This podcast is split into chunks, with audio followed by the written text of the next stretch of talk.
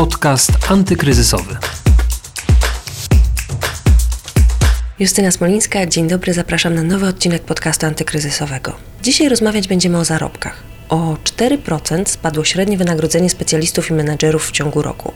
Średnie miesięczne wynagrodzenie tych osób wyniosło w zeszłym roku 12 096 zł.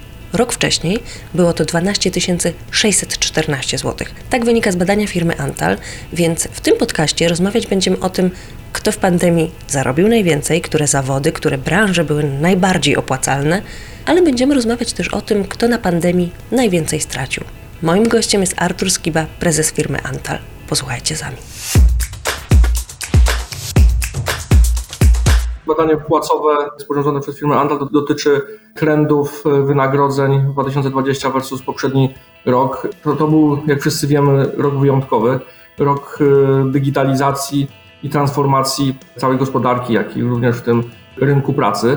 Jeśli chodzi o to, jak to się przełożyło na e, wynagrodzenia, to przede wszystkim widzimy, że ten wzrost wynagrodzeń, jaki obserwowaliśmy przez ostatnie kilka ładnych lat, i mocny rynek kandydata to wyhamowało. Nie wszędzie i nie wszędzie z taką samą dynamiką oczywiście również też.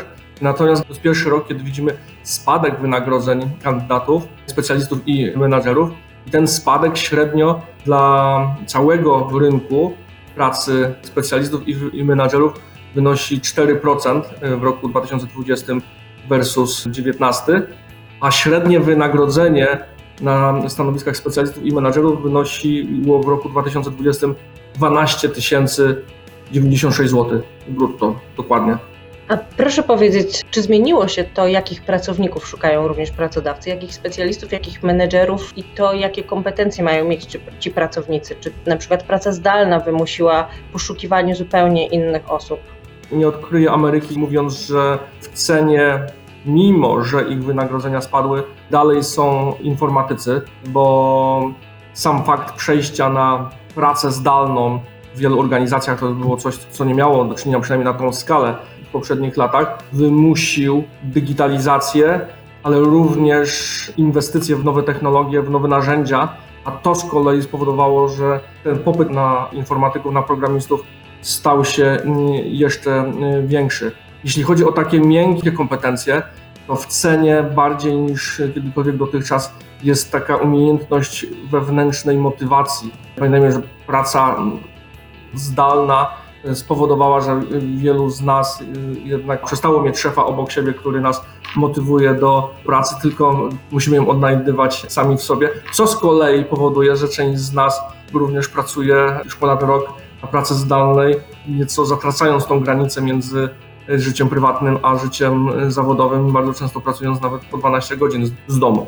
Zanim przejdziemy do poszczególnych branż i do tego, kto na pandemii skorzystał, a kto stracił, to chciałam przejść do takich największych zaskoczeń tego raportu, bo o tym, co zaskoczyło mnie między innymi, już Pan wspomniał. To znaczy właśnie to, że praca zdalna wymusiła jakby poszukiwanie nowych pracowników z działu IT, a mimo wszystko pracownikom tym spadły wynagrodzenia. To, że w branży IT spadły wynagrodzenia, było takim zaskoczeniem w tym raporcie. Jakie jeszcze zaskoczenia były i czy rzeczywiście dla Was też ten spadek wynagrodzeń w IT był taką niespodzianką? Tak, średnie wynagrodzenie w IT spadło o 4% rzeczywiście i można powiedzieć, że jest to zaskoczenie, natomiast od razu uzupełniam. Ten spadek 4% wynika z tego, co zadziało się w drugim kwartale zeszłego roku, kiedy gospodarka na chwilę stanęła w wielu sektorach. I to również miało miejsce na stanowiskach IT. Wielu informatyków, programistów poszukiwało większej stabilizacji, zgadzało się na mniejsze, na, na niższe wynagrodzenia. Te wynagrodzenia, jeśli chodzi o stanowiska programistów, informatyków, jednak bardzo mocno zaczęły odbijać w kolejnych kwartałach z, z zeszłego roku. I gdybyśmy spojrzeli tylko na tendencję za ostatni kwartał, czy nawet półrocze, to myślę, że jednak ta dynamika zmiany wynagrodzeń na stanowiskach programistów byłaby nieco inna. Za cały rok jest to jednak tendencja spadkowa 4%. Jest to mimo wszystko pewnego e, rodzaju zaskoczenie.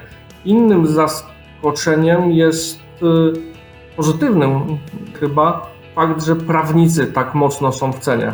Tego można się było spodziewać, bo zmiany w e, funkcjonowaniu gospodarki, z tym zmiany w funkcjonowaniu rynku pracy wymusiły poszukiwania przez firmy nowych rozwiązań, w tym prawnych, ale ten wzrost wynagrodzeń u prawników, który jest największy spośród wszystkich stanowisk, tak duży wzrost jest pewnego rodzaju jednak zaskoczeniem. 15% wynosi wzrost wynagrodzeń w zeszłym roku na stanowiskach prawniczych. Wspomniał Pan o prawnikach. To jest ta grupa zawodowa, która zarobiła więcej niż rok wcześniej.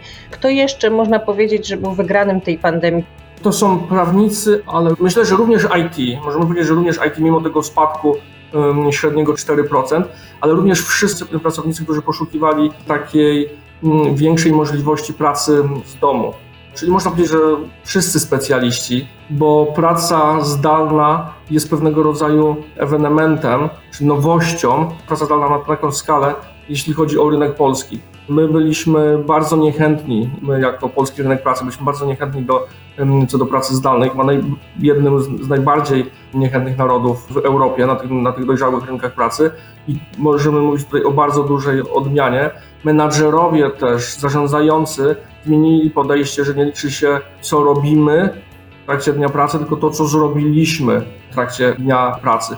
To jest zupełnie nowe podejście i w zależności od tego, kto co woli tutaj, bo ta praca zdalna, tak jak już wcześniej rozmawialiśmy, ma też swoje wady oczywiście, natomiast w umiarkowanym zakresie, zarówno z ludzkiego punktu widzenia, jak i z biznesowego punktu widzenia, myślę, że ma jednak więcej zalet, bo jednym z takich też mm, zaskoczeń dość dużych jest bardzo duża efektywność pracy w trakcie tej pracy zdalnej w trakcie y, innego badania, które przeprowadzaliśmy, 92% badanych przez nas pracodawców, pierwszą zaletę, jaką wymienia w pracy zdalnej jest efektywność pracy.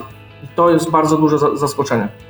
Takim razie, jak już jesteśmy przy tych osobach, które na pandemii zyskały, jeśli możemy tak powiedzieć, właśnie prawnicy, e, osoby, które dobrze się czują na pracy zdalnej, to kto na pandemii stracił najwięcej? Gdzie te zarobki spadły najbardziej i co było tego powodem? Bo wspomniał Pan, że w branży IT jest to spadek 4%. To jak wygląda reszta? Myślę, że straciły tak naprawdę najbardziej i w miarę długotrwale dwie grupy. Grupa menadżerów tego najwyższego szczebla, bo to wynika z tego, że część biznesów, część gospodarki jednak zmniejszyła wyniki, a grupa e, tych najwyższych menadżerów jest, jest bezpośrednio wynagradzana od wyników. Najbardziej natomiast straciła ta grupa osób wchodzących na rynek pracy, tych naj, najmniej doświadczonych. To z kolei wynika oczywiście z tego, że wdrożenie do pracy zdalne jest największym wyzwaniem, było, jest i będzie największym wyzwaniem. Również najtrudniej monitorować wyniki pracy tych osób najmniej doświadczonych i również one często uczą się dopiero tej samodyscypliny, tego takiego self-startingu, przepraszam za niepolskie słowo. I tutaj ten spadek wynagrodzeń jest największy, bo aż o 25% zmniejszyły się średnio wynagrodzenia osób dopiero wchodzących na rynek pracy. W tym badaniu sprawdzaliście takie aspekty benefitów pozapłacowych, takich dodatków pozapłacowych, na które mogli liczyć pracownicy w 2020 roku. Pomijając już pracę zdalną, która wcześniej była benefitem, teraz dla większości jest e, koniecznością, to co otrzymaliśmy od pracodawców i co dla pracowników było takim największym udogodnieniem, największym benefitem? Myślę, że przede wszystkim zyskaliśmy, jako pracownicy, zyskaliśmy elastyczność, bo to jest nie tylko możliwość pracy zdalnej, ale również elastyczne godziny pracy. Nie było innego wyjścia tak naprawdę, jak, jak sposób dostosowania się do pandemii, czyli już nie, niekoniecznie pracujemy w trybie, jeśli chodzi o biura, przynajmniej 7, 15, 16 czy 8, 16, 17, ale bardzo często nawet y, te godziny się przesuwały do, do dużo późniejszych lub dużo wcześniejszych. To jest to, co y, zyskaliśmy z takich miękkich rzeczy. Niestety chyba więcej straciliśmy niż zyskaliśmy, przynajmniej jeśli chodzi o takie namacalne rzeczy, bo siłą rzeczy większość firm zrezygnowała z kart tych fitness na czas pandemii. Czasami również w niektórych firmach rezygnowano z jakichś benefitów dotyczących podróży służbowych, czy wręcz nawet i samochodów służbowych. Bardzo mocno firmy stawiają jako benefit na opiekę medyczną. I tutaj nierzadko te pakiety zostały nawet mm, wzbogacone czy poszerzone na przykład o pozostałych członków rodziny. Także to są takie najbardziej namacalne, namacalne przykłady, jeśli chodzi o takie pozostałe benefity.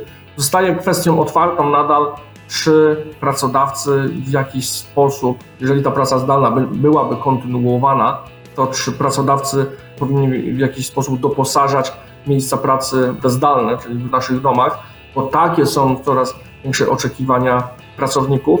Na razie widzimy jednak, że, że te oczekiwania nie spotykają się z większą, z szerszą akceptacją przez pracodawców i, i jeżeli mają miejsce, to w bardzo ograniczonym zakresie, tylko tam, gdzie pracownicy pracują tylko i wyłącznie zdalnie. Pracodawcy dalej utrzymują biura. Pamiętajmy, nie ma raczej firm, które rezygnują z biur e, i stawiają tylko na pracę zdalną, a więc finansowanie dwóch miejsc pracy, zarówno tych zdalnych, jak i tych w biurze, byłoby dodatkowym kosztem. A z kolei większość pracowników, to też wiemy z innego badania naszej firmy, że większość pracowników wcale nie chce na dłuższą metę pracować zdalnie tylko. Jeden dzień w tygodniu ok, może dwa, ale pracować z domu tylko nie, niekoniecznie. Może właśnie jak będziemy pracować dłużej zdalnie, może pracodawcy zaczną to dofinansowywać. Zobaczymy jak będzie. Natomiast e, jak już trochę wybiegamy w przyszłość, to jakie są perspektywy dla rynku pracy, dla wynagrodzeń pracowników? Czy te wynagrodzenia szybko wrócą do stanu sprzed pandemii? Jakie są trendy?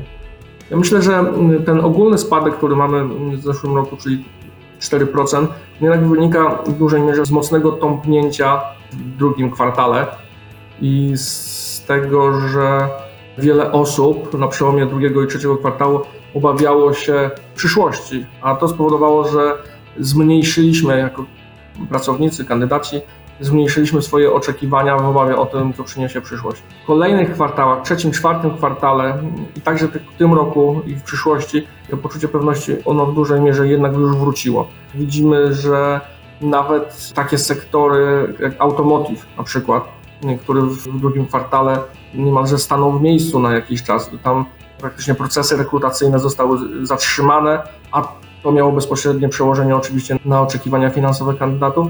Również w takich sektorach inwestycje odżyły. Nowych inwestycji zagranicznych planowanych na ten rok jest rekordowa ilość, również w sektorze usług wspólnych i BPO, czyli tych y, centrów outsourcingowych, co oznacza, że będzie powstawało mnóstwo nowych miejsc pracy w tym roku, w kolejnych kwartałach.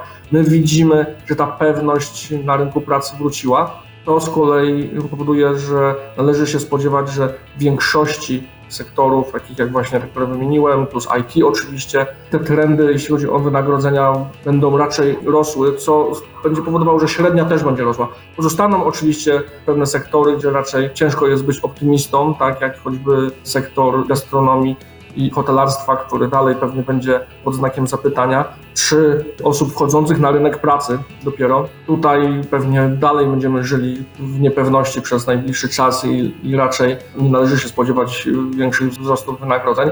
Pytanie, czy to dobrze, czy to źle, bo ten rynek kandydata w pewnym momencie był tak bardzo mocny w poprzednich latach, że wielu pracodawców, pamiętajmy, miało bardzo duży problem ze znalezieniem jakichkolwiek rąk czy głów do pracy. Więc ja myślę, że być może to, co się stało, to w dłuższej perspektywie spowoduje tak pewną normalizację po prostu na rynku pracy. Dziękuję bardzo Panie Prezesie za rozmowę. Naszym gościem był Artur Skiba, prezes zarządu Antal. Dziękuję. Dziękuję bardzo. W tym odcinku to już wszystko. Posłuchajcie wszystkich rozmów na stronie pb.pl kośnik antykryzysowy i w aplikacjach podcastowych. Zapraszam Was serdecznie też na kolejne odcinki. Justyna Smolińska. Do usłyszenia. Podcast antykryzysowy.